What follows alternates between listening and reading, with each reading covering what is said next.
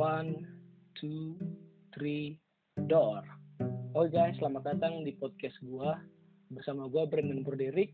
Di episode pertama kali ini gua akan membahas tentang kesehatan masyarakat atau kesadaran masyarakat. Jadi di episode pertama kali ini gua ngundang salah satu sahabat gua. Dia adalah seorang mahasiswa di Universitas Hasanuddin, jurusan akuntansi. Perkenalkan dia namanya Joen Tumewu. Hai Joen, Hai, gimana kabar lu? puji Tuhan masih bisa bernafas ya kan? Aduh, luar biasa sehat baik aja. ya. Luar biasa banget. Mm-mm. Di rumah aja kan lu?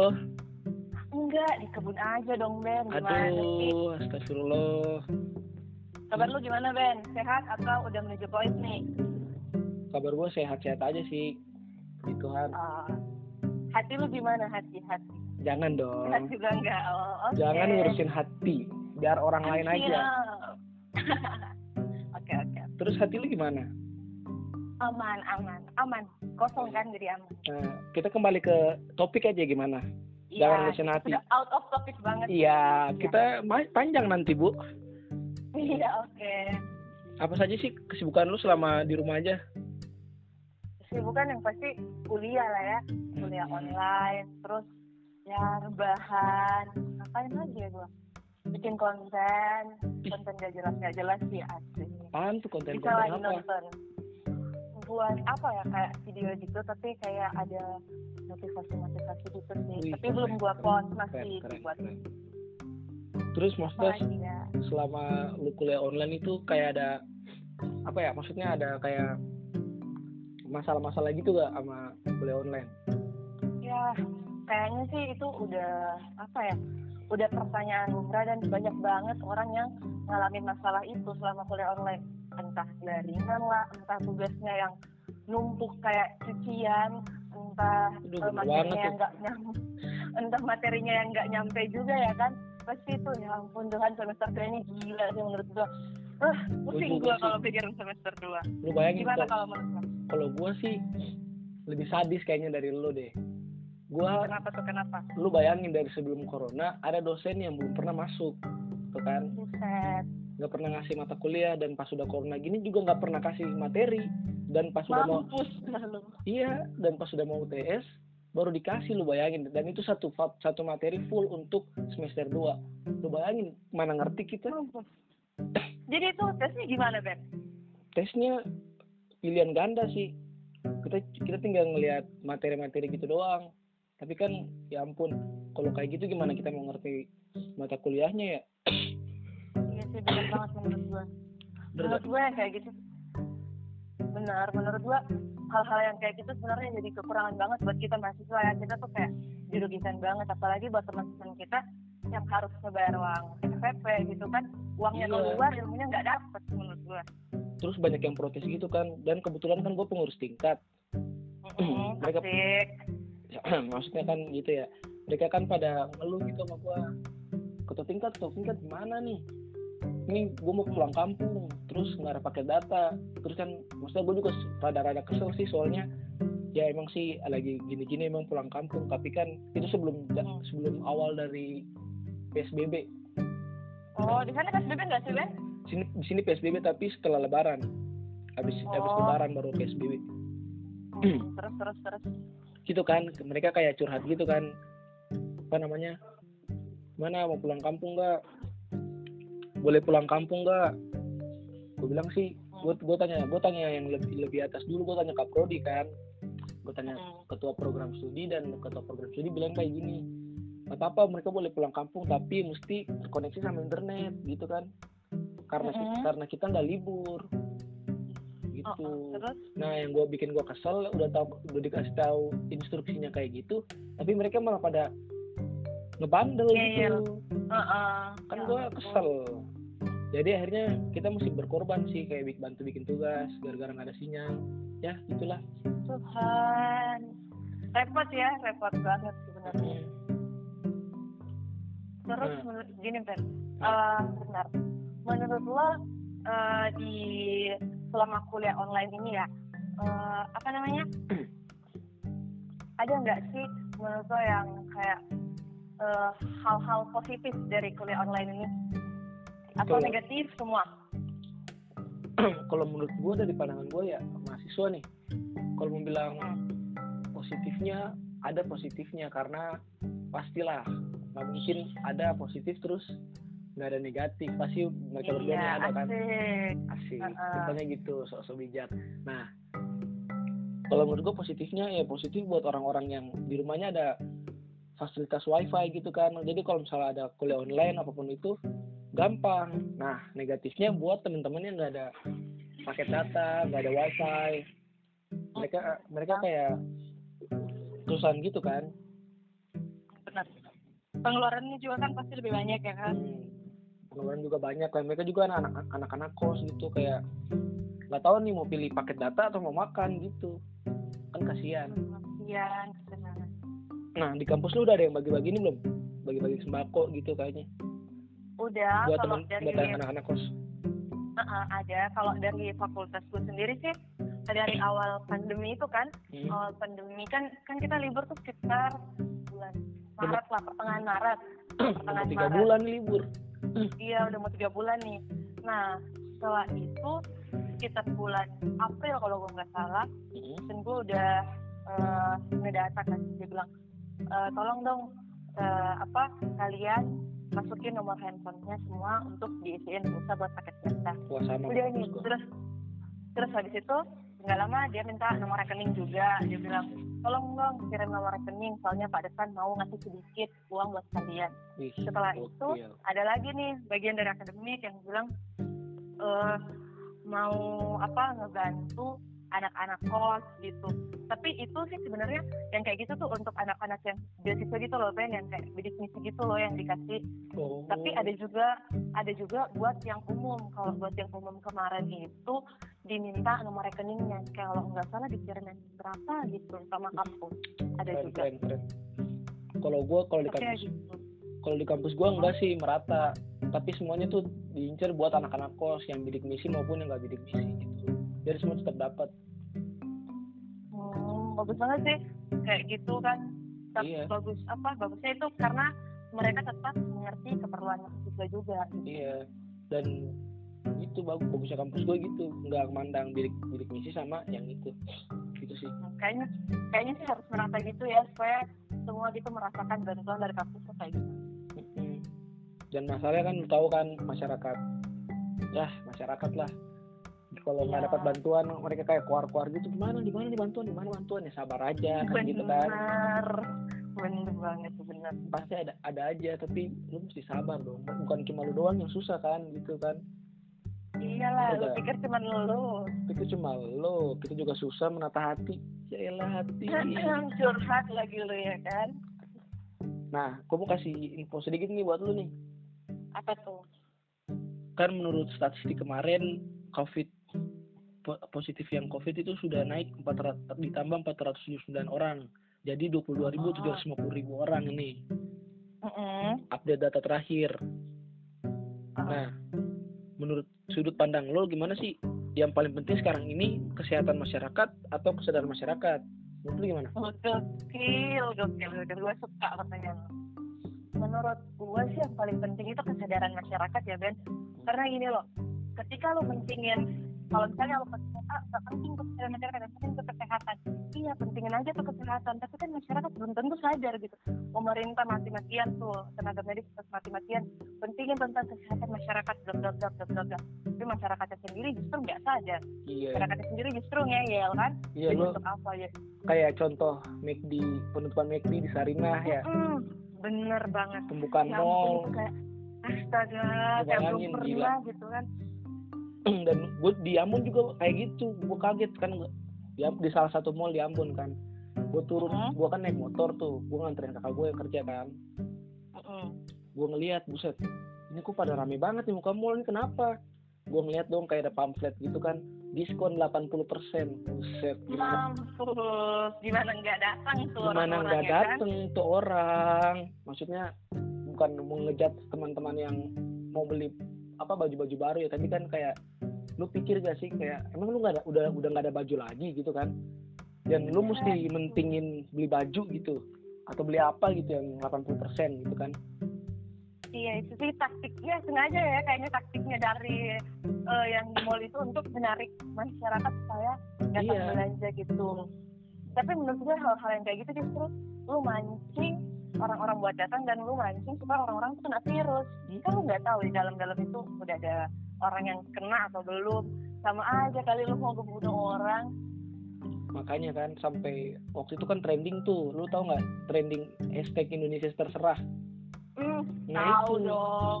gara-gara itu maksud maksudnya kan masyarakat kayak sikapnya kayak bodoh amat gitu kan sama virus sama pandemi ini. Kasihan karena sama tenaga-tenaga kesehatan yang nggak dapat APD tahu nggak? Kasihan tau. Kasian banget sih menurut gue ya itu makanya kan gue bilang eh, di sini tuh paling penting kesadaran masyarakat. Ketika masyarakat itu semua sadar sadar ya. bahwa ini pandemi ini bukan hal main-main ya pastilah mereka bakalan rame-rame untuk menjaga kesehatan mereka sendiri tanpa kita suruh kan? Jadi itu sih sebenarnya menurut gue yang bertahan saat saat ini tuh emang cuma manusia yang punya pikiran. Sama manusia yang punya hati doang. Dan gue juga pikir masa gue pikir dua sudut pandang sih. Maksudnya dari sudut pandang yang kayak pihak mall gitu kan yang buka dan sudut pandang masyarakat. Kalau misalnya sudut pandang mall menurut gue kalau mereka nggak buka mereka kayak nggak nggak dapat uang gitu kan buat nggak bayar Iya, ngebiayain benar. pegawai-pegawai mereka. Benar benar. kan kan kita nggak bisa mandang dari satu sudut pandang doang nih. Kalau misalnya lu mah satu Iya. sudut pandang mah lu pulang aja lu bukan manusia lu menurut gua kayak gitu. Makanya gua kesel sama masyarakat masyarakat yang cuma mikir dari satu sudut pandang doang nih. Nah mereka benar. terus mereka kayak ngejudge ngejudge gitu kan.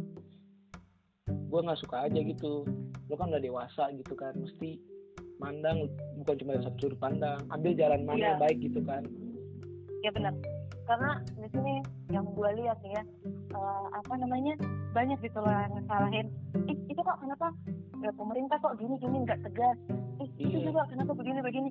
Eh, apa pihak kesehatan lah semua lah lo salahin.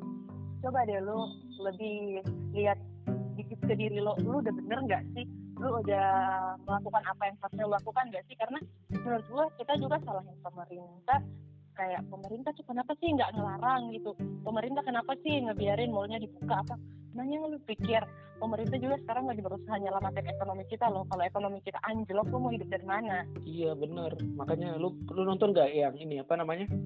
Eh bantu wawancara langsung Najwa? Siap sama Presiden Jokowi. Lu nonton nggak? Yang Hmm. yang waktu trending terus kan Najwa tanya kan ya Pak Hmm. Presiden yang kali menurut Pak Presiden yang saat ini penting tuh apa? Ekonomi masyarakat atau kesehatan masyarakat? Terus Pak Jokowi jawab kan saya ini mementingkan keduanya dan salah satu nggak bisa dihilangin salah satu. Kalau kesehatan dipentingin nanti ekonomi kita gimana? Nanti mereka pada makan apa? Gitu kan. Gue suka banget bener-bener pikiran yang sangat baik dari presiden kita ya. Iya bagus sih menurut gue sebenarnya masih ada yang eh, menilai positif kepada presiden kita. Banyak Ben orang-orang di luar sana yang ngejudge presiden kita bilang ah presiden nggak bisa gini gini gini. Tapi menurut gue hal-hal itu lo nggak bisa ngejudge gitu lo nggak bisa lakukan hal itu. Emangnya lu ada di posisi pemerintah? Iya. Emangnya eh, lu ngerasain beban pemerintah bebannya presiden kita itu kayak gimana? Buset. pasti pusing lah jadi Berat beliau. ya. iya benar jadi nggak perlu judge dari sisi doang. Ya itu ketika apa namanya ketika satu hal terjadi pasti kan ada ada alasan kenapa hal itu terjadi ya kan? Ketika nah gini gue mau bilang ini di Makassar itu sekarang Hmm. PSBB iya. udah nggak diperpanjang. Udah di Ya. oh udah mau di stopin gitu atau dilonggarin gitu? Ah mau dilonggarin gitu kan udah katanya sih udah bisa buka toko tuh udah bisa buka mall juga udah bisa buka apa semua. Nah yang lu lihat dari sini menurut lo gimana sih Ben tentang PSBB yang dilonggarkan ini? Kalau menurut gua gimana ya? Dilonggarin sih dilonggarin. Tapi maksudnya lihat dari masyarakatnya dulu kan. Kalau masyarakatnya emang udah patuh gitu ya udah mau dilonggarin. Tapi kan pasti masyarakat udah tahu mana tanggung jawabnya. Ini di luar aja masih pada nggak pakai masker. Mm-mm, bener takut gitu kan? Iya sih ya gini Jadi deh. dipikir dua kali sih maksudnya kalau dilonggarin iya sih emang gitu tapi kan gini loh Ben kayak kita bilang tadi mungkin kayaknya eh, kan ekonomi kita emang udah sangat lesu ya kan? Jadi ya itu mungkin pemerintah ya mungkin juga mau menyelamatkan ekonomi ya. Dan dari sisi lain selain dari sisi ekonomi gue tau nggak sih sebenarnya mungkin pemerintah tuh ini sudut pandang gue aja ya. Mungkin pemerintah juga tuh udah capek gitu. Udah bukan udah capek sih udah melihat tingkat ke masyarakat yang udah mulai nggak patuh udah sangat-sangat tidak patuh menurut gua ya udah pemerintah bilang ya udah terserah lu. Lu mau ke mall ya udah silahkan kita kasih fasilitas buat lu. Kita buka mall kita silahkan. Lo pergi ke toko-toko toko-toko semua dibuka lu silahkan deh kalau lo mau pergi atau enggak. Nah mungkin dari sih pemerintah juga udah kayak udah jenuh ya. Kayak karena menurut cuma selama PSBB diberlakuin justru yang positif covid di negara kita tuh semakin banyak. Bukan iya. semakin menurun loh bukan semakin menurun. Lu bayangin banyak. gua kan kemarin nge-search gitu kan apa namanya tentang berita covid di negara lain. Gua lihat di negara Malaysia nih. Nih Mm-mm. menurut detik news tingkat kesembuhan positif corona di Malaysia menurun. Dan sudah 20 sudah 82 persen lu bayangin. Mereka cuma kalau nggak salah tuh 6 ribuan kasus kalau nggak salah. Buset, bandingin aja sama Indonesia itu lu bayangin. dua puluh dua ribu Indonesia 22 ribu lebih. Hmm, gitu deh. Terus gue juga kemarin ngelihat eh snapgramnya siapa nih? Snapgramnya si Jerome Jerome. Hmm, Nah, Jeremy, Jeremy. dia tuh dia tuh kan di keluar gitu kan keluar gitu keluar dari eh, tempat tinggalnya gitu. Dia kasih lihat tuh situasi di sana. Sunyi bener. Sunyi sunyi sunyi sunyi sunyi. Nah iya itu benar terus dia bilang biasanya tuh kasusnya itu kan biasa 100 sampai 200 orang per hari. Sekarang tuh tinggal 10 10 atau di bawah 10 atau paling belasan paling. Itu sih yang gue lihat dari SG-nya dia kemarin. Iya maksudnya kan gitu ya pemerintah udah buat regulasi yang menerapkan masyarakat tuh nggak boleh keluar rumah. Jadi lu gitu-gitu aja di rumah gitu kan Tanpa mementingkan pemerintah sendiri. Makanya pemerintah dalam sama Jokowi kan bikin namanya apa tuh kartu kartu apa yang kemarin? Prakerja ya? Oh, ah, nah kartu itu difasilitas fasilitasin kan.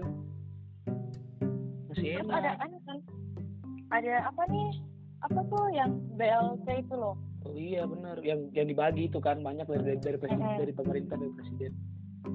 Iya. Kan Iya. harusnya gitu kan menolong lah masyarakat Iya, gitu sih menurut gua dan menurut lu kira-kira apa apa saran sih buat pemerintah mengenai Ya. pentingnya kesehatan masyarakat dan khususnya nih masyarakat nih saran lu buat masyarakat bagaimana di podcast gua Eh, kalau menurut gua ya saran gua ke pemerintah dulu nih Hmm. terkait yang tadi gue udah bilang nih BLT. Nah, eh, saran gue semoga BLT itu eh, tepat sasaran gitu loh jatuh di tangan orang-orang yang benar-benar membutuhkan. bener Karena banget bener karena gue banyak lihat kasus ya di dari teman-teman gue di daerah mereka sendiri. Banyak loh bantuan itu yang jatuh ke tangan orang yang salah. nggak benar.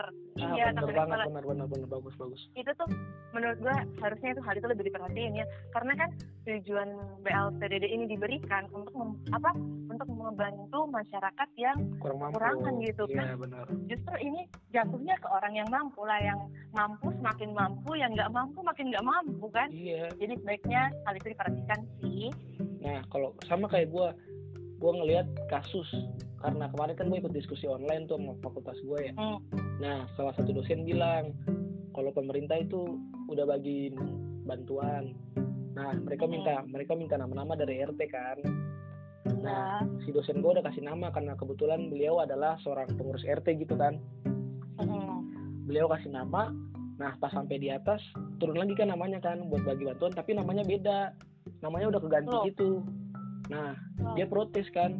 Ini kenapa oknum pemerintah kenapa kok kayak gini? Masa yang di dibawa kasih nama lain pas sampai di atas diturunin nama lain. Makanya sampai Iya. sekarang kayak masih jadi konflik gitu. Buset, ya Fast Furious tuh.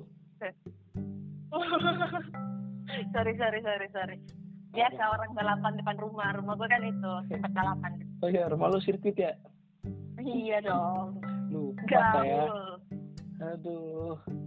Gitu sih maksudnya kan nggak tepat nggak tepat nggak tepat sasaran kan karena oknum-oknum pemerintah nih jahil nih ini mau dipotong Mm-mm. telinganya nih kayaknya nih. emang yang dibantu cuma keluarganya doang lu ngerti nggak sih Iya. masyarakat tuh ya bagian pemerintah tuh membantu ya kita bisa lihat sendiri kan kenyataannya jadi saran gue itu. Hmm, Nah kalau buat masyarakat menurut lu kayak gimana?